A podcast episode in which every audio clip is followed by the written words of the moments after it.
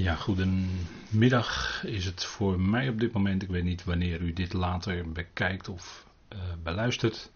Maar in ieder geval is dit weer de volgende studie in het Bijbelboek Openbaring. En dit is inmiddels de 52e studie. We zijn inmiddels aangekomen in Openbaring 18. En we willen vanavond, vandaag, vanmiddag voor mij eh, kijken naar Jezaja 48, nog een aantal versen en Jeremia 50 en 51 willen we aan beginnen vandaag. En we gaan wel even daarin lezen met elkaar, kijken wat daar over Babylon geschreven staat. We kijken dan hoe ver we komen. En eh, voordat we met elkaar de studie ingaan, willen we eerst, wil ik met u eerst beginnen met gebed. Vader, we danken u dat we ook deze dag, dit moment van u mogen ontvangen om met uw woord bezig te zijn. Dank u wel dat u ons daartoe wilt aanreiken wat nodig is. Wilt u leiden door uw geest. We leven in bijzondere tijden, boeiende tijden. En vader, we danken u dat u het bent die zaken uitwerkt, ook in de wereld gebeuren. Het is volledig in uw hand en dat mogen we beseffen elke keer weer. Dank u wel dat u ons gered en geroepen heeft met een hoge roeping, met een heilige roeping. Niet naar onze eigen werken, maar naar uw eigen voornemen en de genade die ons al geschonken was in Christus Jezus voor eonische tijden. Vader, dat geldt voor ons als gemeenteleden en dank wel dat u ook aan Israël een speciale roeping heeft gegeven. Als licht voor de volkeren. We danken u dat we met die dingen ook bezig mogen zijn. En het gaat ook in de profetie over uw volk en over Babel, Babylon. Dank wel dat dat in uw woord beschreven staat dat het zal opkomen, maar dat het ook een eindgericht zal kennen. Vader, we danken u dat we daarmee bezig mogen zijn en wilt u ons leiden in het spreken, in het luisteren. Mag het zijn tot opbouw, mag het zijn tot meerdere eer en verheerlijking van uw grote naam. We danken u daarvoor, Vader, in de machtige naam van uw geliefde Zoon, onze Heere Christus Jezus. Amen. Goed, vandaag verder met Jeremia, Jezaja, Jeremia. En we gaan kijken in de Tenach wat daarvan over Babylon geschreven staat. En het is een uh, bijzondere plaats, ook in het verleden geweest. U ziet hier een fotoachtige maquette van hoe het er in het verleden uit zou kunnen hebben gezien. En in ieder geval ziet u daar centraal die ziggurat, hè, die getrapte, uh, het getrapte bouwwerk met traptreden naar boven. En dat was, uh, men zegt, ook wel voor de goden om dan te kunnen afdalen. Maar goed, wat er van ook is, uh, daar zullen we ook straks nog wel eventueel wat verder met elkaar naar kijken. In ieder geval lezen we in Openbaring 18 de definitieve verwoesting van Babylon. En u ziet hier een klok en die is vlak voor 12 uur. En heb ook op deze dia gezet, de, gelet op de tijden waarin we leven en wat er allemaal gaande is, wordt het hoog tijd dat de profetie van Daniel, en dan bedoel ik specifiek Daniel 9, vers 24 tot en met 27, de profetie van de laatste week in het bijzonder. 70 jaarweken waren daar geprofiteerd, maar de laatste jaarweek is de 70ste en die is nog niet geweest. Er zijn 69 zevens vervuld geworden, maar die 70ste wacht nog op vervulling.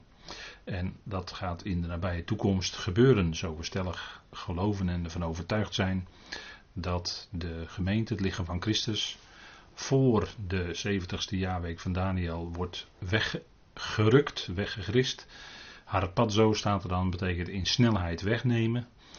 En dat zal ook gebeuren en dat is precies op Gods tijd. En we geloven dat we daar heel dicht tegenaan zitten. We daar die klok met een paar seconden nog voor echt het punt van 12 uur. Dan is het hoog tijd dat die profetie in vervulling gaat. En eigenlijk gaat dan voor Israël pas de klok echt lopen.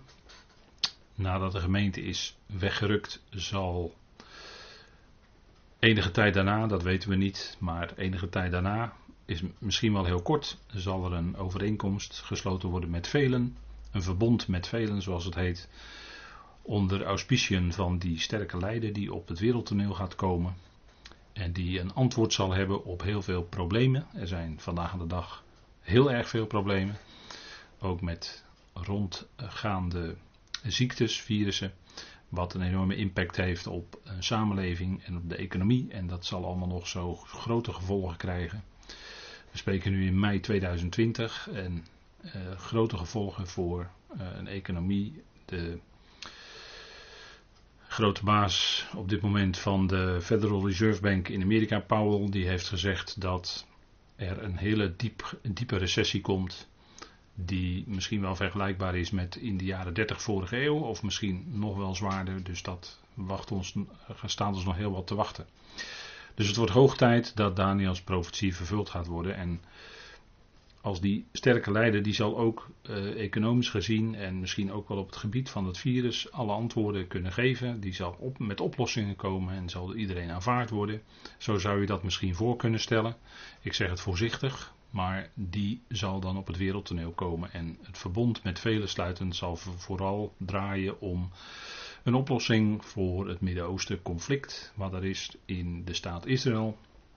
En terwijl we spreken vandaag is daar precies het 72 jaar geleden dat, en het was middags om 4 uur, plaatselijke tijd, in Israël, Jeruzalem, dat David Ben Gurion de staat, de Joodse staat, uitriep op basis van een uh, mandaat, een beslissing van de Verenigde Naties, 1948, vandaag precies 72 jaar geleden. En dat bracht natuurlijk een enorme golf van verwachting in de wereld, voor zover men rekening hield, houdt met nog te vervullen profetie. En goede Bijbeluitleggers hebben ook gezegd dat, en die zeiden dat 150, misschien wel 200 jaar voordat die Joodse staat daadwerkelijk werd uitgeroepen, zei men op grond van de profetie dat er weer een ongelovige Joodse staat zou komen. En we moeten dat zo zeggen, omdat er in de leiding, in de beweging die dat heeft opgezet, de Zionistische beweging, die gingen niet uit van geloof. Niet uit van geloof in de Messias. Ook niet eh, bij het uitroepen werd eh, zelfs ook niet gerefereerd aan Tenach of aan een profetie uit Tenach. Maar werd wel de Joodse staat uitgeroepen. Dat was natuurlijk een historische moment vlak na de Holocaust, de Tweede Wereldoorlog, zodat de Joodse mensen een thuis hebben in dat land. Maar dat zal nog heel moeilijk worden in de komende tijd. Grote verdrukking gaat nog komen. Wordt in de profeet Jeremia ook genoemd. In Jeremia 30 de benauwdheid van Jacob. En niet van Israël, maar van Jacob. En dat zal zijn beslag nog moeten krijgen. Dat is de tweede helft van de 70ste jaarweek. En al met al, als we zo dan kijken, dan zien we dat, er, dat het inderdaad hoog tijd is dat die profetie nog vervuld gaat worden. En dat doet ons verheugd opkijken naar boven, want wij kijken uit naar de bazuin van God. En misschien kent u dat wel, dat uh, broeder A.E. nog op het laatst van zijn leven, toen hij niet meer in staat was om nog te werken vanwege de slechte ogen, die eigenlijk versleten waren door het vele, vele arbeid in het woord, dat hij elke dag wilde hij naar het raam gereden worden in zijn rolstoel en dan kon hij kijken of de bazuin al zou klinken, of de Heer er al aankwam. Kijk, zo leefde hij in die verwachting en ik denk dat u en ik toch enigszins dat ook hebben, dat we uitkijken naar dat moment, dat we het al horen. Horen we het al of horen we het nog niet?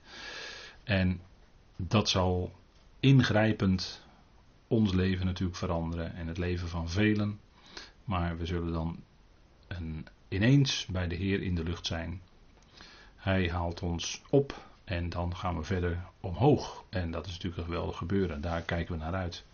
En voor ons, voor Israël, gelden wel tekenen. En Israël kan de tijd uitrekenen. Wij kunnen de tijd niet berekenen. Wij hebben geen tekenen, nog wonderen die wij zouden moeten zien of moeten kunnen zien voordat de bazuin klinkt. Nee, er is helemaal niets. Kan vandaag gebeuren, morgen gebeuren. Dat weet u. En dit wil ik toch even kwijt, om dat toch weer benadrukken in wat voor bijzondere tijd we leven en hoe dicht we eigenlijk aanzitten tegen dat moment. En misschien zeggen we wel allemaal achteraf, als het geweest is, dat het inderdaad heel dichtbij was. Dat zou zomaar kunnen. Maar nogmaals, de Heer bepaalt uiteindelijk de tijd, wij niet. Wij kunnen let op allerlei dingen, maar nogmaals, wij kunnen niet berekenen het exacte tijdstip. Dat niet de dag of uur of de maand, maar we kunnen wel aangeven, twee dagen zijn voorbij, 2000 jaar, en dan zal, zoals geprofiteerd is in Hosea, Israël zal opkomen uit hun graven, dat is natuurlijk beeldspraak.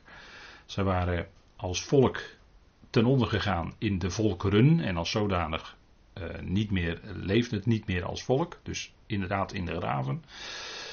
En nu zien we dat zij weer sterk verlangen hebben. Al vele, vele jaren zijn er heel veel alia's geweest. Dus heel veel mensen die overal vandaan naar het land Israël, daar in het Midden-Oosten zijn gegaan. En dat is natuurlijk iets dat deels ook in de profetie is aangegeven.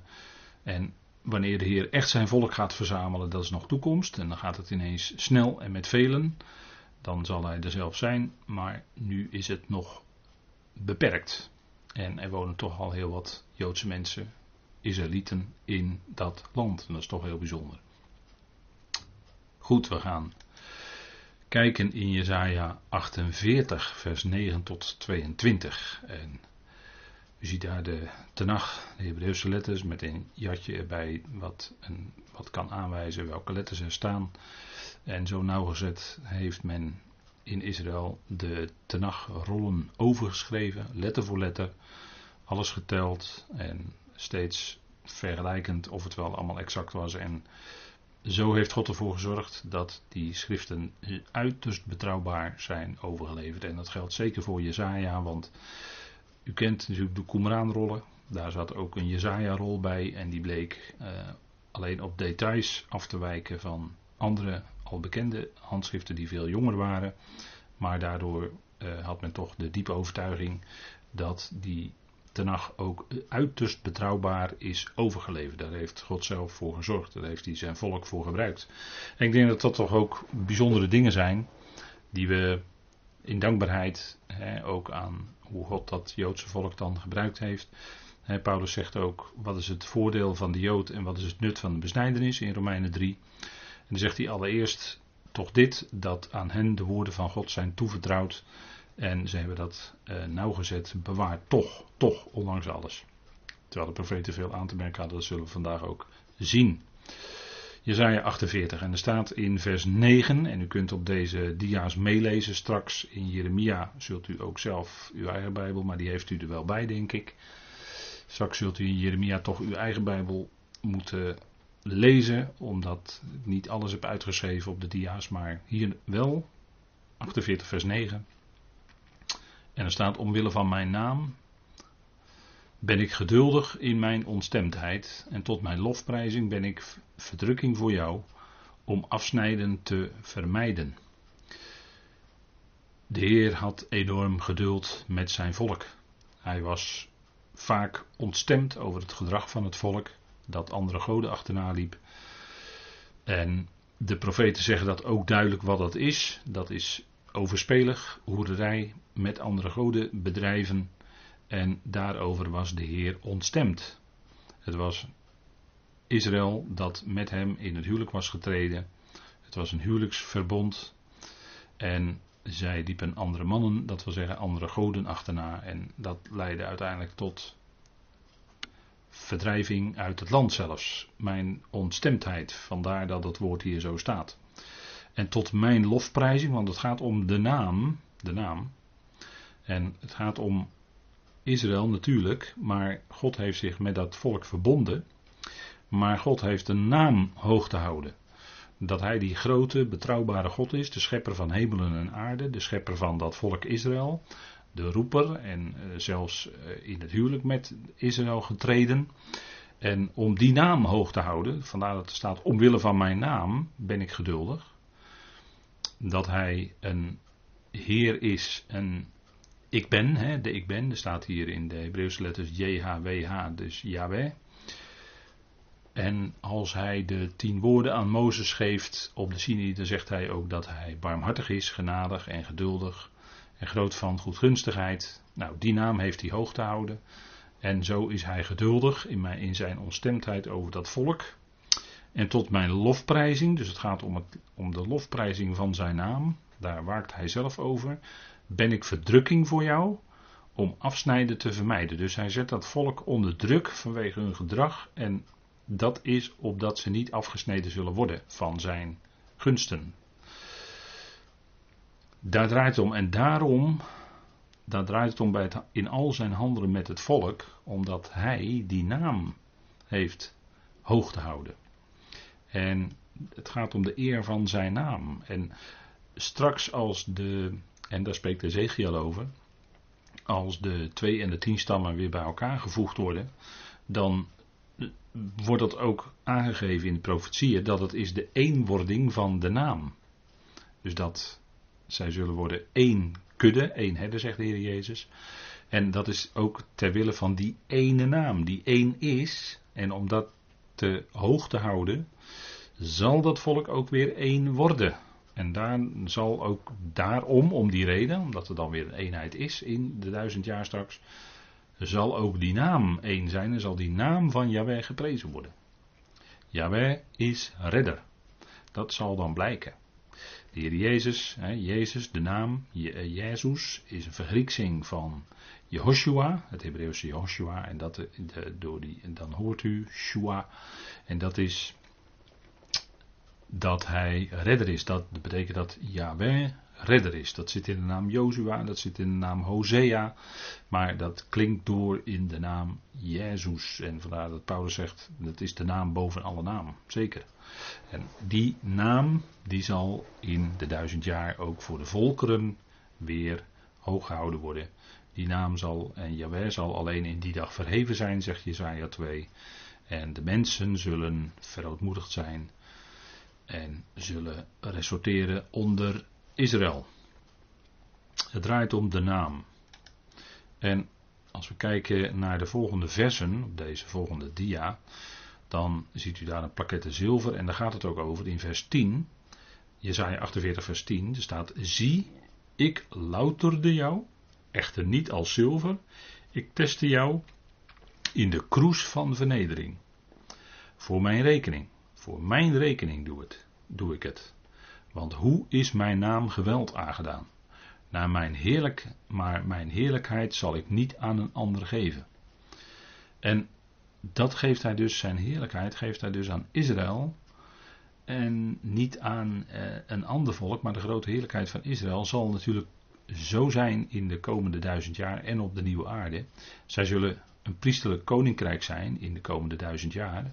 En regeren als koningen in de nieuwe aarde. Dan zullen zij geen priester meer zijn. Dat is dan niet meer nodig, omdat God zelf bij de mensen woont. Maar ze zullen nog wel als koningen regeren in die laatste eon van de nieuwe aarde. En die heerlijkheid die geeft de Heer aan dat volk en niet aan een ander. En dat zegt hij hier, hè, maar mijn heerlijkheid zal ik niet aan een ander geven. Maar zijn naam was geweld aangedaan. Zijn naam was tot een spreekwoord geworden onder de volkeren, vanwege het gedrag van het volk Israël. En de Heer zegt, ik louterde jou tegen Israël. Louteren is natuurlijk hetzelfde woord als zuiveren, echter niet als zilver. Ik testte jou in de kroes, in de smeltkroes zou je kunnen zeggen, van vernedering. Het werd onder druk gezet. Ze ondergingen de hitte van de druk van Jaweh in feite en daar gebruikte hij, nou ik heb bovenaan gezet, in de oven van Egypte. Dat was toen zij in slavernij waren en allerlei tegelstenen moesten bakken. Ja, alle bakstenen moesten bakken. En de slavenarbeid werd steeds zwaarder. Dat was de oven van Egypte. Dat eh, werd al voorzegd tegen Abraham in Genesis 15. Dat ze in die smeltoven, die rokende oven van Egypte terecht zouden komen. En achteraf, door de profeet, wordt er ook zo over gesproken. Dat was een punt van waar ze onder druk stonden. Om hen te louteren, om hen te zuiveren. En 40 jaar in de wildernis. Dat was ook zo'n. Was natuurlijk het gevolg van hun ongeloof. Door ongeloof konden zij het land niet binnengaan, want ze waren bang voor de mensen die in het land woonden. De verspieders hadden het gezien en ze waren bang. En daardoor moesten ze nog na twee jaar, 38 jaar in de wildernis rondzwerven. En dat was om hen te louteren.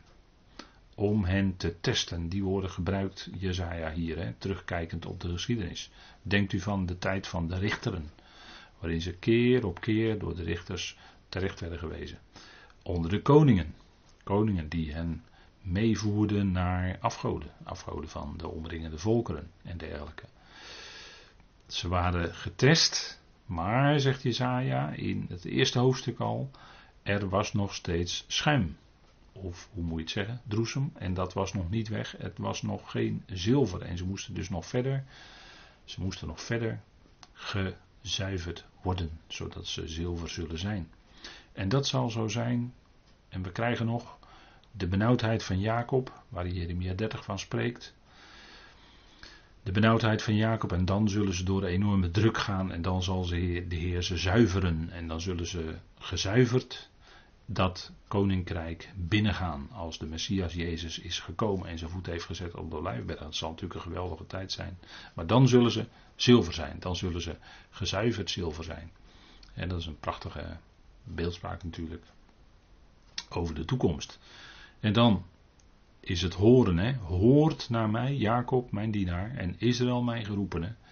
Ik ben hij. Ik ben de eerste. Zeker, ik ben de laatste.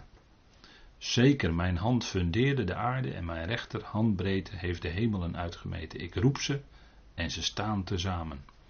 En geweldige woorden worden hier uitgesproken door de Heer. Hij zegt: Hoort naar mij, Jacob. En dat is ook wat de mens zou doen, in het algemeen gesproken. De mens zou horen naar de woorden van God. En zo klinkt het ook in Jesaja 55 bijvoorbeeld. Hoort naar mij. En, want ik ben je God. En hij vertelt vanaf het begin wat het einde zal zijn. En dat zegt hij hier ook. Hè. Jacob, en hier roept hij door de profeet naar Jacob, mijn dienaar, mijn Obed. En Israël, mijn geroepene. Jacob en Israël, let op de specifieke gebruik van die naam. Hè. Daarnet noemde ik ook, Jeremia 30, de benauwdheid van Jacob. Dat is als ze nog niet bij de Jabok zijn geweest, zoals aartsvader Jacob dat was en toen Israël werd genoemd. Maar de rest mank ging en dat geldt ook voor het volk. Zij zullen nog uitgecijferd worden en dan zullen zij echt Israël zijn. En natuurlijk, de naam Israël heeft verschillende betekenissen. Het betekent vorst met God. Je kunt het ook vertalen met oprecht met God. Beide is waar en zeker in de komende duizend jaren.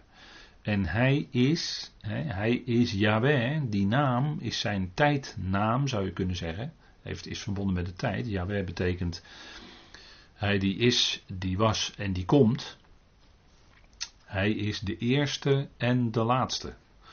En dat wordt ook gezegd, en ik heb op deze dia rechtsonder, ziet u dat, uh, in Jezaja 41 vers 4, 44 vers 6 wordt dat genoemd, in openbaring 1 vers 8 en 21 vers 6.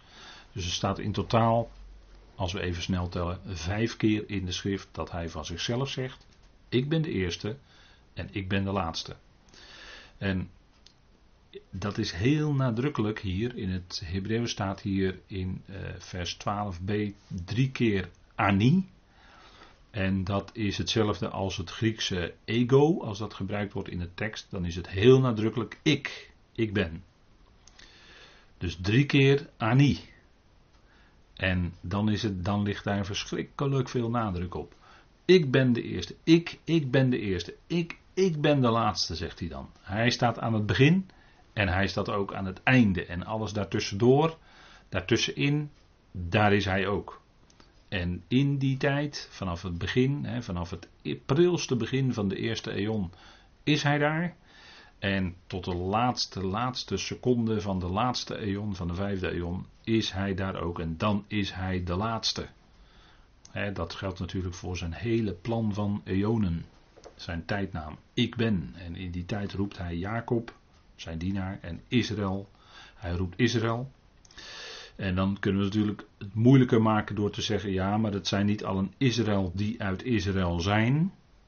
En dan heeft het te maken met roeping, dan heeft het te maken met geloof, dan heeft het te maken met een gelovige rest, hè, waar dan uh, Romeinen 11 over spreekt.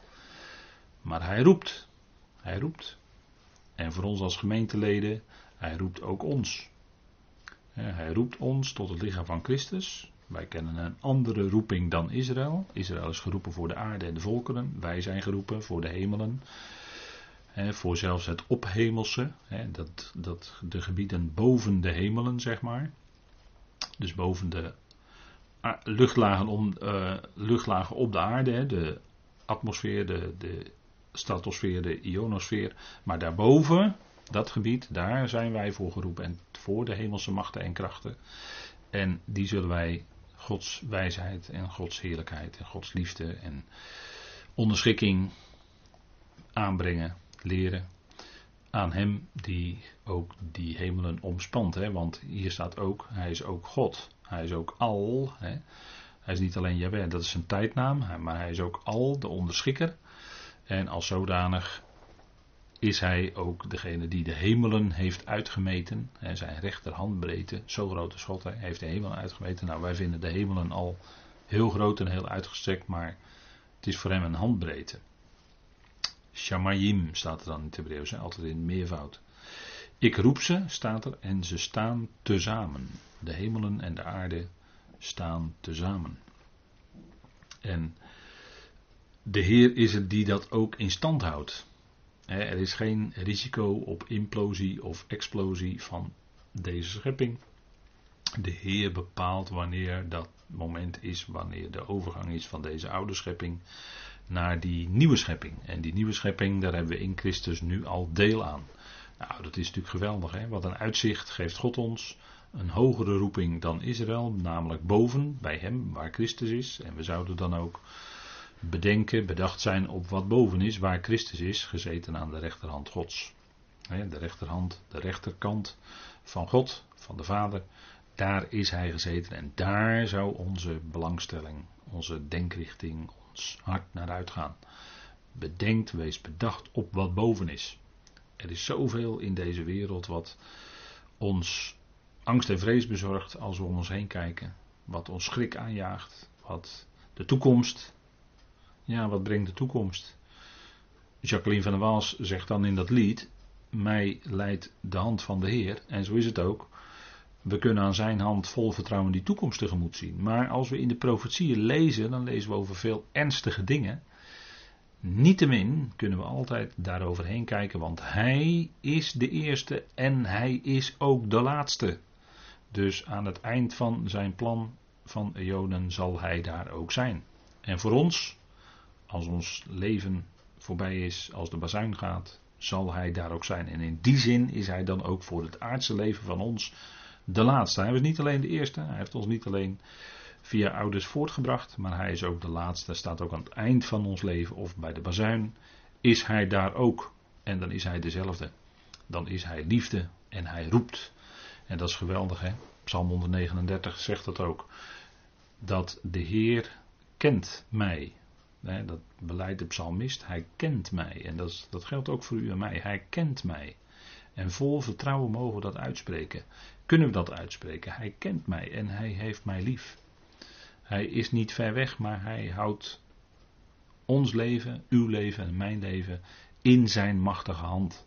Ik ben de eerste, ik ben de laatste. Dat klinkt ook daarin door. Hè? Ik ben hij, ik ben. Hij is er altijd.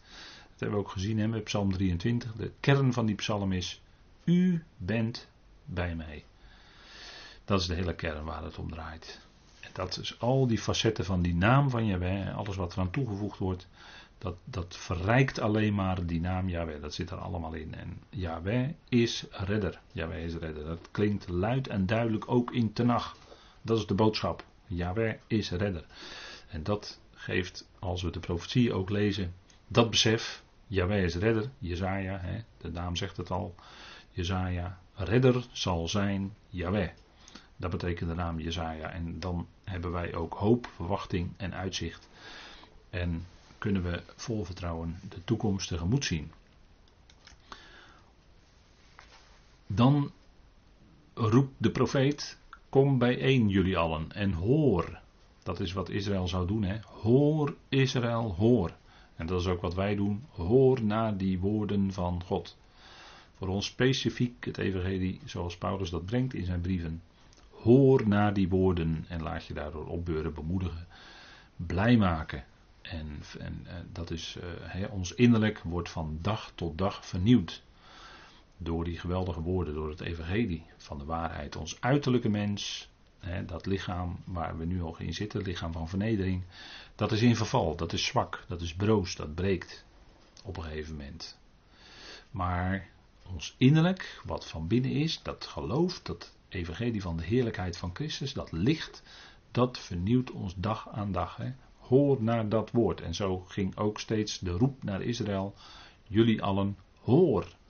Wie onder jullie vertelt deze dingen? Jawel houdt van hem. Hij zal zijn verlangen uitvoeren in Babylon. Daar gaat het om. Hè. Wanneer zijn arm op de Galdeën rust. Denk erom dat het dan hoogtijd is hoor.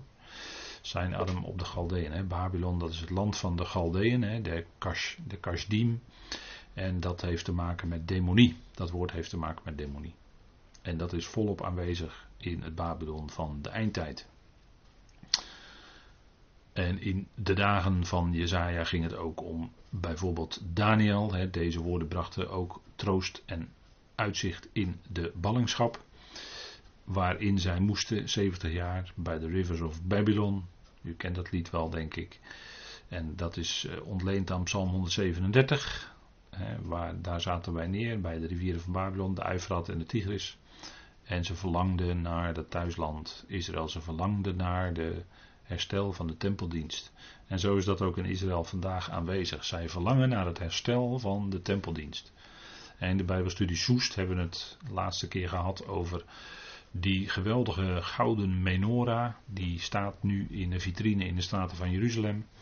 En dat is een machtig ding. Ik heb hem twee keer van dichtbij gezien. Kon hem bijna aanraken. Maar goed, dat is op zich niet zo. Maar het is wel een magnifiek ding. Een amandel, een gestileerde amandelboom hebben we gezien. En die geeft licht. En zij, zij verlangen nu ook terug naar het herstel van de tempeldienst. Het Tempelinstituut in Jeruzalem is daar heel druk mee bezig. Alles is klaar eigenlijk om die tempeldienst in ere te kunnen herstellen. En dat zullen ze ook zeker gaan doen. Daar zal weer een tempel zijn. Binnenkort. En dan zullen zij daarin. Dat zal mogelijk onderdeel zijn van het verbond met velen. Dat zij die tempeldienst op de Tempelberg mogen doen. En daar zal dan op een gegeven moment na 3,5 jaar na het ratificeren van het verbond, 3,5 jaar daarna, zal de wetteloze de tempeldienst stopzetten. Het gedurige, het voortdurende wordt stopgezet, zegt Daniel. En dan zal hij zich in de, zegt Paulus, in de tempel van God zetten en zich aanbidden als was hij een God. De mens is dan God geworden. Hè? Nou, dat is helemaal deze tijd natuurlijk. Hè? De mens waant zich, dan lopen ze wel in een waan. Wanen zich God. En er zal een moment komen dat ze ontwaken uit die waan. En eh, vandaag de dag is veel in de wereld waarin we leven, is een, kun, ja, moet toch een beetje zeggen, is zijn gecreëerde dingen die, waar we nu in leven. Een gecreëerd iets en allemaal maatregelen waardoor we ons echt anders moeten gedragen in heel veel situaties. Als we in de winkels zijn, als we bij de kapper zijn, als we noem maar op. En dat is een hele bijzondere situatie waar we nu in zitten. Eigenlijk ongekend. En dat moet tot iets leiden. Wat weet ik niet, maar dat moet tot iets leiden. En men is natuurlijk bezig met allerlei dingen. Wat precies allemaal is ook niet duidelijk, maar het zal een, een grote stap zijn, want dit is toch een ingrijpende wereldwijde verandering die nu plaatsvindt. En dit zal een grote stap zijn, als u het mij vraagt, op weg naar dat laatste wereldrijk onder leiding van de wettelozen. En naar openbaring 13, dat hebben we al met elkaar behandeld, zal dat een wereldrijk zijn onder de draak. Dan zal men de draak in het aanbidden van het beest, zal men de draak aanbidden. Dat staat er allemaal, dat hebben we allemaal behandeld. U weet het. Maar dit is een, als u het mij vraagt, een grote stap op weg naar zo'n wereldsamenleving, om het zo maar even te zeggen.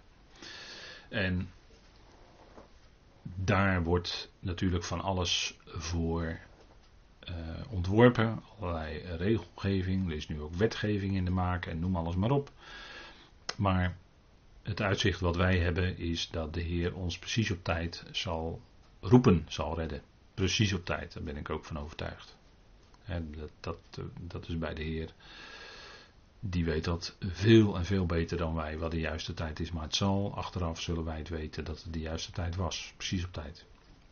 Zijn woord biedt hoop, troost aan de ballingen. En wij zitten ook in een, als gelovigen nu zitten we ook in een vorm van ballingschap zou je kunnen zeggen. Want wij zijn nog niet thuis. Wij worden straks thuis gehaald. En eh, dat is een geweldig moment. Maar we zijn tot dat moment ook in een vorm van ballingschap, zou je kunnen zeggen. En daar hebben we dat woord voor nodig. Want wat moeten die ballingen horen? Nou, dat woord. De Heer zegt hoor. En dan is het zijn woord wat geldt. En dat is ook echt wat relevant is, wat van belang is. En er worden elke dag, ik weet niet hoeveel miljoen of miljard mensen worden gesproken. Maar die halen het niet bij dat woord van God. Dat woord van God is betrouwbaar, daar kun je van op aan. Dat is zeker, dat is, de, dat is vast. Hij zal al zijn beloften waarmaken aan Israël en ook voor ons. En dan zegt de Heer, ja, ik, ja, ik spreek, vers 15, op deze dia. Zeker, ik roep hem, ik breng hem en ik zal zijn weg voorspoedig maken. En dit spreekt misschien wel profetisch over Daniel, die in de ballingschap voor Israël een belangrijke, voor de ballingen daar in uh, Babylon een belangrijke functie zal vervullen. Daniel met zijn vrienden. Ze werden ook geworpen in de leeuwenkuil. Ze werden, zijn vrienden hè, werden geworpen, Daniel en zijn vrienden werden geworpen in de vurige oven. En beide situaties kwam Daniel glansrijk uit. Hè. Dat was toch natuurlijk toch heel bijzonder. En vandaar dat de Heer hier ook zegt: Ik roep hem, ik breng hem en ik zal zijn weg voorspoedig maken. Nou, dat, en daar zal natuurlijk dan later weer ook het gericht op komen. Hè. Vers 16. Kom dicht bij mij en hoor dit. Vanaf het begin heb ik niet in het geheim gesproken, noch in een donkere plaats van de aarde. Dat wordt ook zo gezegd in Jezaja 45, vers 19. Vanaf de era van haar komst was ik daar en nu zendt mijn Heer Yahweh mij en zijn geest. Zo zegt Yahweh. Jullie verlosser, de heilige van Israël. Ik, ik, Yahweh, jullie Elohim, ik, de Heer, jullie God, zal jullie nuttigs leren, die jullie in de juiste weg doet gaan. dat is het leven met Hem, dan is dat een goed besteed leven. Dan is dat goed en dan ga je ook in de juiste weg. Hij kondigt hier al aan, voor, nog voordat zij in ballingschap gaan, dat hij hun verlosser is. Dat hij dus ook uit die ballingschap in de toekomst zal verlossen. Hij is de heilige van Israël. Hij is de enige ware God van Israël.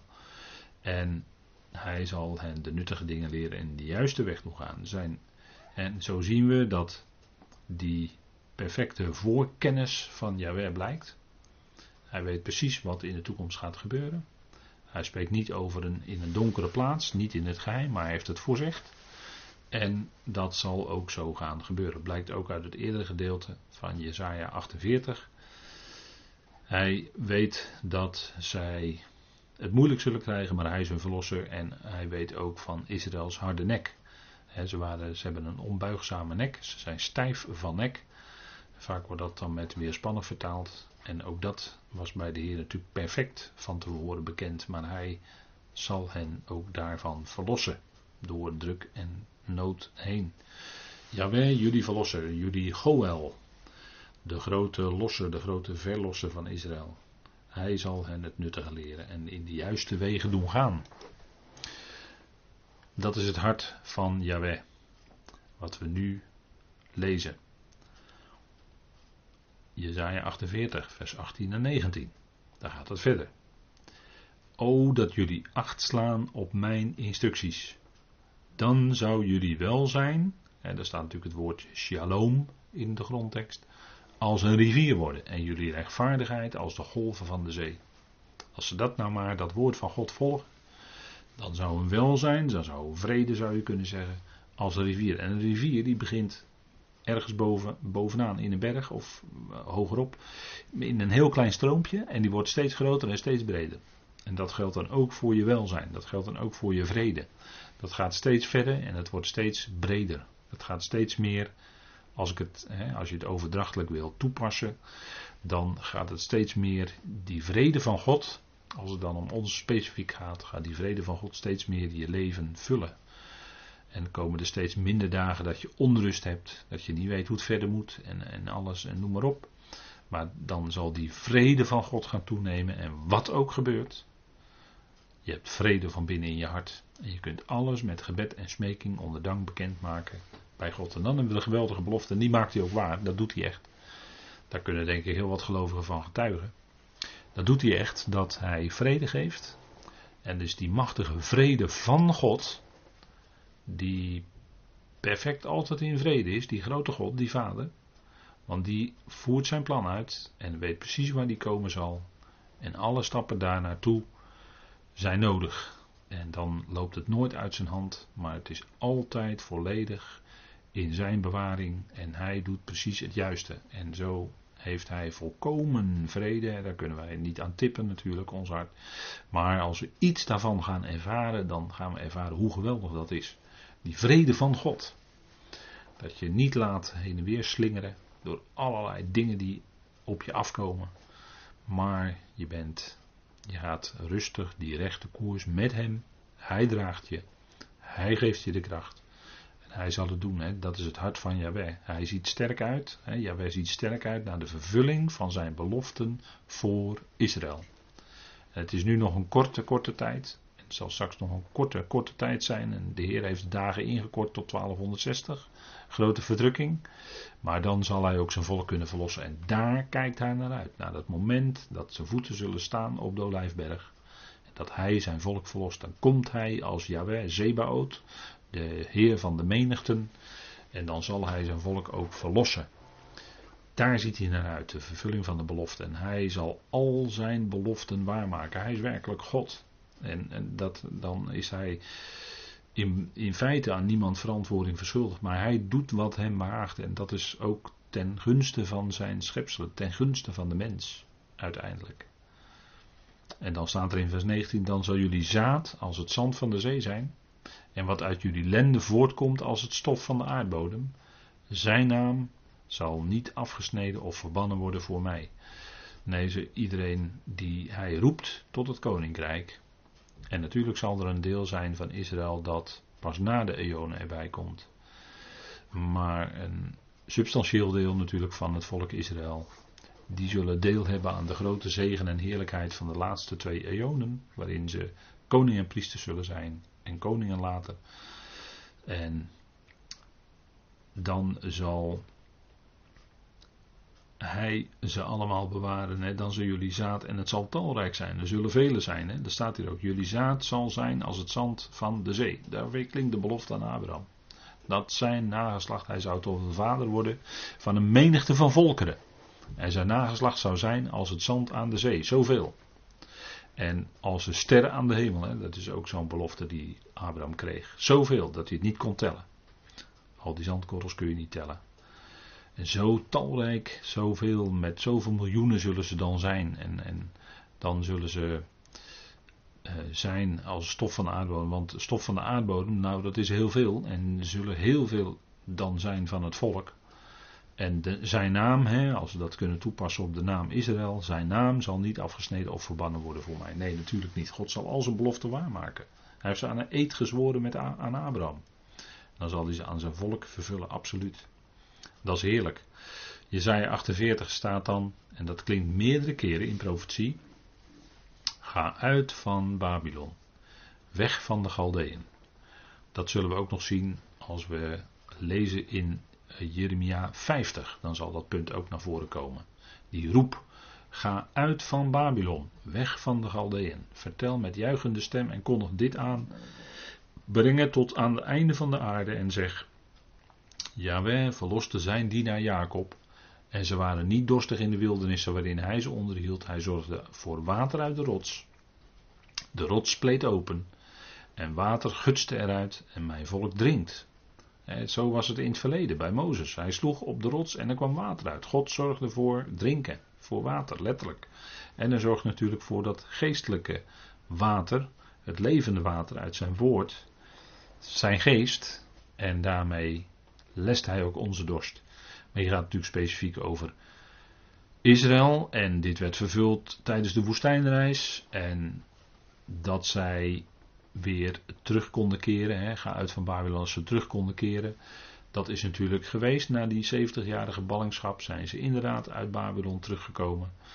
Maar dit zal in de toekomst ook nog een vervulling hebben als ook er de nodigen van zijn volk in Babylon zijn, dan zal hij zeggen: ga weg uit Babylon, want het gericht gaat komen. Klinkt in openbaring 18, hè? Zelfde woorden in feite. Openbaring 18, als we dat er even bij pakken, dan eh, lezen we met elkaar datzelfde in feite, wat dus hier door Jezaja al gezegd wordt en wat we ook teruglezen in Jeremia trouwens.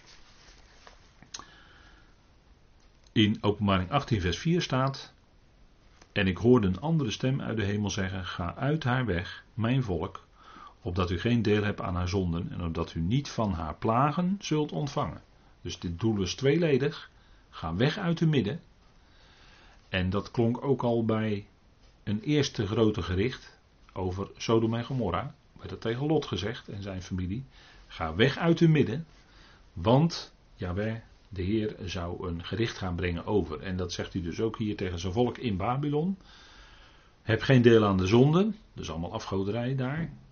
En ten tweede zul je, als je weggaat, ook niet die plagen ondergaan die over Babylon zal komen. En dat zal een totale verwoesting zijn. Daar wilde hij hen ook voor bewaren. Vandaar die roep. Vandaar dat roepen van hoor, wat ik nu ga zeggen. Ga uit van Babylon, ga weg van de Galdeeën.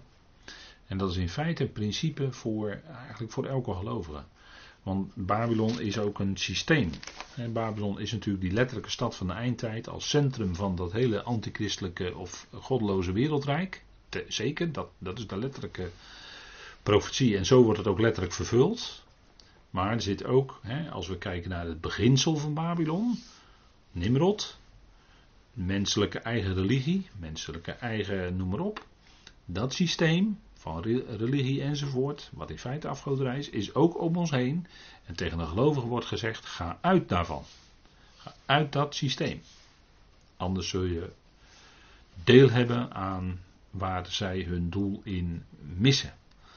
En er zal te zijn de tijd natuurlijk ook een gericht komen. Maar goed, dat maken wij dan niet mee. Maar ga uit dat systeem. Ga uit hè, Babylon.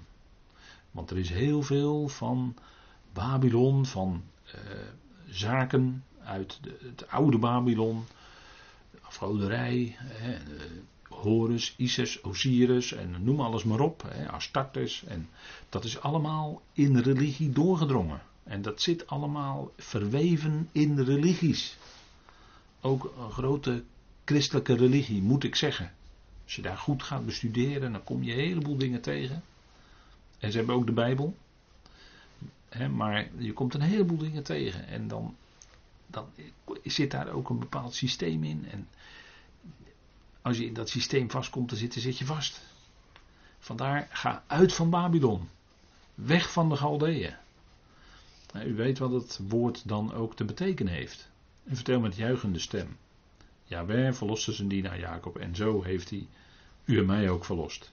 En daar kunnen we van, en dat kunnen we doorgeven, daar kunnen we van bij gelegenheid als God het geeft van getuigen. Nou, ga uit. En zo eindigt dan Jezaja 48 en het allerlaatste vers zegt de Heer dan, want hij moest dit tegen zijn volk zeggen. En hij noemt ze Jacob. En wat het volk helaas in het verleden nog alles kenmerkte was ongeloof, was afgoderij. Als we er geestelijk naar kijken en we hebben Israël lief en we bidden voor Israël en vinden het ook heel geweldig voor ze dat ze nu al 72 jaar daar in dat land kunnen zijn. Met, met alles wat daar gebeurd is, met oorlogen, met dreiging, met ten nauwe nood eruit gered worden. En toch, toch zijn ze daar. En, en het is ze meer dan van harte gegund. Maar als we geestelijk kijken, als we de schrift erbij pakken, en we kijken dan wat God over zijn volk zegt, dan is dat toch vaak een kwestie van ongeloof. Van het niet willen. En dat was ook in de tijd van de Heer Jezus toen hij kwam en eerst al de profeten. ze waren teruggekomen uit ballingschap. En ze waren enthousiast. En ze waren bezig, he, Nehemia, ze waren bezig de muren te bouwen. Ze waren bezig de tempel te herbouwen. En dat, dat kreeg ook allemaal zijn beslag. Maar ze moesten toch door de profeten zoals Haggai en Zacharia aangespoord worden. Om door te gaan met die tempeldienst. Want ze hadden de, de bekende woorden natuurlijk uit, uh, ik meen Haggai. Jullie hebben wel doortimmerde huizen. Maar hoe zit het dan met jullie verlangen om in de tempel te willen dienen? En daarmee gaf de profeet natuurlijk toch iets aan. Jacob werd verdreven uit het land. En zo is het ook natuurlijk eh, met, met ons. Hè. We hebben het eh, enorme welvaart eh, gekend tot voor zeer kort. En nog steeds leven in een heel welvarende situatie. Mogen wij leven, dat is ook, ja, dat is ook eigenlijk iets wat je is toegevallen. Dat heb je ook niet zelf allemaal uitgekozen van tevoren natuurlijk. Nog steeds mogen we daarin leven, maar het kan je ook afleiden. Hè? Al die weelde, al die luxe die we hebben, kan je ook afleiden van. Waarvan? Nou, u weet wel wat ik dan bedoel. Hè? Van, van bezig te zijn met de dingen waar, wat heel wezenlijk is voor ons, voor ons hart. Het woord. Hoor dat woord. Hè? Hoort naar mij, zegt de Heer. Klinkt al door de profeten van Israël. Hoort naar mij. We zouden dat woord horen en dat doen we ook. Jacob werd verdreven uit het land, want, want afgoderijen. En de profeten, dat moet de Heer Jezus ook zeggen, tegen de leiders van het volk, met name de leiders van het volk. Want ja, de leiders die bepalen toch, die bepalen en dan het volk gaat daar achteraan. Gaat daarin mee vaak. Nou, die leiders die hadden de profeten verworpen. Dat zegt hij. Denk maar aan een gelijkenis als uh, die van de, de, de, de, land, uh, de van uh, Matthäus 21. Dat degenen die tot hen gezonden waren, die schakelden ze uit. En toen kwam de zoon. En die dachten ze van, ha, die moeten we helemaal uitschakelen. Want dan is de erfenis voor ons. Zo even kort gezegd. Matthäus 21. Jacob werd verdreven uit het land. En helaas werd Messias Jezus door de leiders van Israël, vooral de leiders, en het volk werd opgehitst. Toen ze riepen kruisen hem, was het volk daar opgehitst. Maar dat gold zeker niet voor alle Israëlieten van dat moment, maar dat was toen specifiek dat, dat volk wat daar in Jeruzalem aanwezig was. En vooral de leiders, die riepen kruisigt hem, ze hebben hem verworpen. Hij die tot hen kwam, maar ze hebben hem niet aangenomen.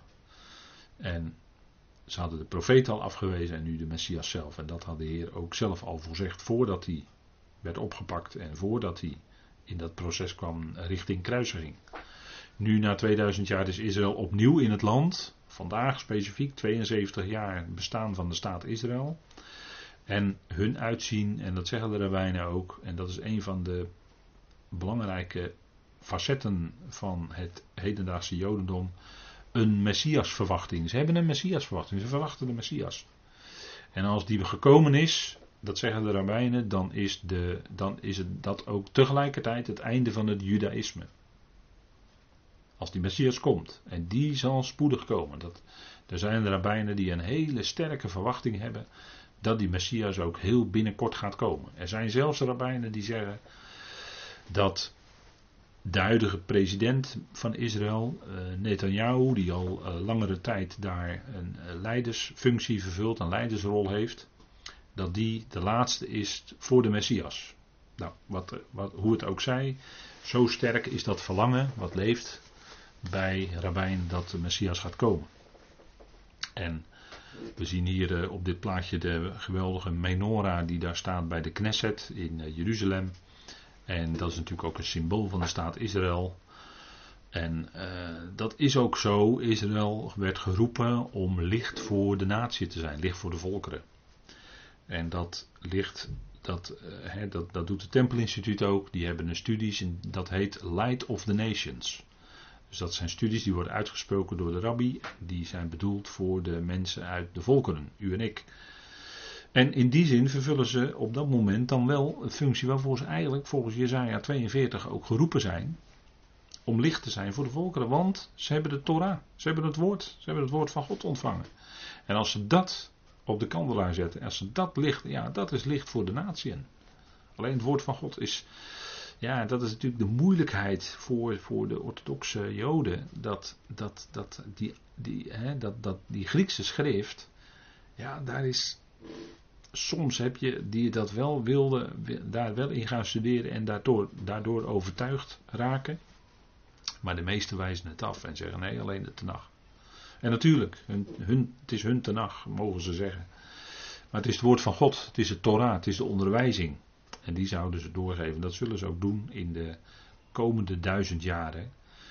Na 2000 jaar verstrooiing, diaspora, ballingschap zou je kunnen zeggen, zijn ze nu opnieuw in het land. En daarom is er ook een heel sterk uitzien naar de Messias. En dat is ja, alle ingrediënten zijn klaar, hij kan komen. En dit, dit is natuurlijk toch wel een, een punt, hè? dit is wel een punt dat, uh, dat ineens uh, eigenlijk ja, onder de aandacht kwam, nog niet zo lang geleden. Dat Babylon, waar we nu mee bezig zijn, de, en het gaat, we zijn nu bezig met openbaring 18 de verwoesting, dat, die is aangekondigd. Maar Babylon is altijd gezegd, is herbouwd. En uh, deels is die stad er wel altijd geweest. Dat is bij Hilla in Irak. Dat is, iets, dat is dus niet Bagdad zelf, maar dat is de huidige hoofdstad natuurlijk. Hè. Maar iets ten zuiden van Bagdad heb je Hilla. En dat is eigenlijk het oude Babylon. Broeder Nog is daar ook geweest. En zoals hij erover schrijft, woonden, woonden daar toen 40.000 mensen. Dus een, redelijk grote plaats nog. Maar dat Babylon, of dat, wat het nu dan Hilla heet, maar eigenlijk Babylon is, en wat ook op de UNESCO Werelderfgoederenlijst staat, dat gaat nu verder uitgebouwd worden. Want het moet worden, volgens, als je de schriften leest, als je de profetie leest, openbaring 17, 18, moet worden de wereldhandelshoofdstad van de eindtijd. Kooplieden, die zullen rouwbedrijven die zullen met verbijstering dat zien als Babylon ineens in één dag verwoest is geworden. Dat doet de Heer zelf. Hij doet dat zelf. Hebben we ook gezien, hè, dat hij dat zelf doet. Eigenhandig zal de Heer een einde maken aan Babylon. En uit de hele beschrijving blijkt dan dat het de wereldhandelshoofdstad ligt ook aan het water, Uifraat, Tigris. Rivier de Uifraat, dus ze hebben een waterverbinding en dat is toch vaak wel een voorwaarde voor een, voor een handelstad. De grote handelsteden van deze wereld vandaag uh, liggen ook aan het water. Denk alleen al in ons land uh, Rotterdam, Amsterdam, maar ook een stad als New York, Londen, ligt aan de Theems, Shanghai in China. Nou, noem alles maar op. Hè. Dat, dat allemaal zijn het kustplaatsen en dat is veel handel. En zo is er in Irak een overeenkomst gesloten op, uh, op hoog niveau tussen China en Irak. En uh, China is inmiddels al de tweede of derde groot, grootste handelspartner van Irak geworden. En uh, China heeft een miljardenhandel dus al inmiddels met Irak. En Irak betaalt uit in olie. vrijwel het grootste olievelden, grootste olievelden van de wereld en dat is echt vergelijkbaar, dat is echt concurrerend met Saoedi-Arabië. De grootste olievelden van de wereld liggen in, in of onder Irak. En, dat wordt geëxporteerd. En zij uh, betalen daar dus in olie voor aan China. Dat is natuurlijk een prachtige deal voor allebei. Maar wat gaan Chinese bouwers dan doen? Die gaan Babylon, dat is echt aangekondigd. Dat uh, is uh, op diverse websites kun je dat terugvinden. Dat Babylon daar zullen ook grote bouwprojecten en grote infrastructureel uh, wegen enzovoort zullen aangelegd worden. Bagdad, Babylon. Dus dat gaat nu echt. Uh, men kan heel snel bouwen hoor. Dus het gaat exploderen. Dat, daar ben ik van overtuigd. Het gaat exploderen in de komende jaren. En dan wordt het een, uh, een stad die echt, zoals ze dat tegenwoordig noemen, booming zal zijn qua eh, handelsbruisende handelsactiviteiten, culturele activiteiten zijn er al, want het is door Saddam Hussein al gedeeltelijk herbouwd. Die blauwe Istar-poort, die is daar. En eh, Saddam Hussein heeft zijn eigen naam daar laten ingraveren samen met de naam Nebukadnezar, enzovoort, enzovoort. Het is een enorm iets. En ja, ik denk dat dat toch iets belangrijks is. Want voor mij was het altijd nog, ja, Babylon is daar wel, maar voordat het een wereldhandelshoofdstad is, moet er nog flink gebouwd gaan worden. En dat is dus nu besloten, dat is nu, uh, dat, gaat, dat wordt nu in volle gang gezet. Daar ben ik van overtuigd. Uh, die, die plannen, het is zo in de pers gekomen, het is zo in het nieuws gekomen. Dus dat zal echt zijn beslag gaan krijgen. China ziet daar natuurlijk uh, handel in. En uh, China is groot. China koopt uh, steeds meer uh, belangrijke plaatsen op. China heeft ook heel veel handel met Israël tegenwoordig. Waarvoor, ze zelfs door, waarvoor zelfs door Amerika een beetje gekeken wordt van hoe gaat dat. China krijgt wel erg veel invloed in Israël. Maar goed, de Israëli's zelf zijn slim genoeg. Lijkt mij om dat te onderkennen en goed te kijken wat er nou precies gaande is. Maar goed, in ieder geval, dit is een opmerkelijk bericht. En ehm, dit is, als dit binnen een paar jaar die stad, die stad verder uit de grond gestampt wordt, dan zitten we echt, het plaatje is echt het plaatje compleet. Dat het een, een grote handelshoofdstad is, wat tot voor kort eigenlijk door vele uitleggers niet voor mogelijk werd gehouden, maar nu toch wel heel serieus uh, bekeken zal moeten worden. En natuurlijk, door bijbeluitleggers werd dit ook al lang gezegd, hè, dat de stad Babylon, letterlijk Babylon, waar het altijd gelegen heeft. Het is nooit helemaal verwoest geworden, nooit helemaal weg geweest. Dus in die zin moeten die profetieën die spreken over de totale verwoesting van Babylon moet er nog in vervulling gaan, want het is nog nooit helemaal verwoest geworden. Er is altijd een restant stad Babylon geweest. En dat is dus nog toekomst. Die profetieën die gaan over de toekomst. Die kun je niet wegverklaren naar het verleden toe. Nee, dat is nog allemaal toekomst. En dat zal gaan gebeuren. En eh, als we dit zien, ja, dan eh, denk ik dat we extra uh, kijken van, ja, nu komt het toch allemaal dichtbij hoor. Nu komt het heel dichtbij.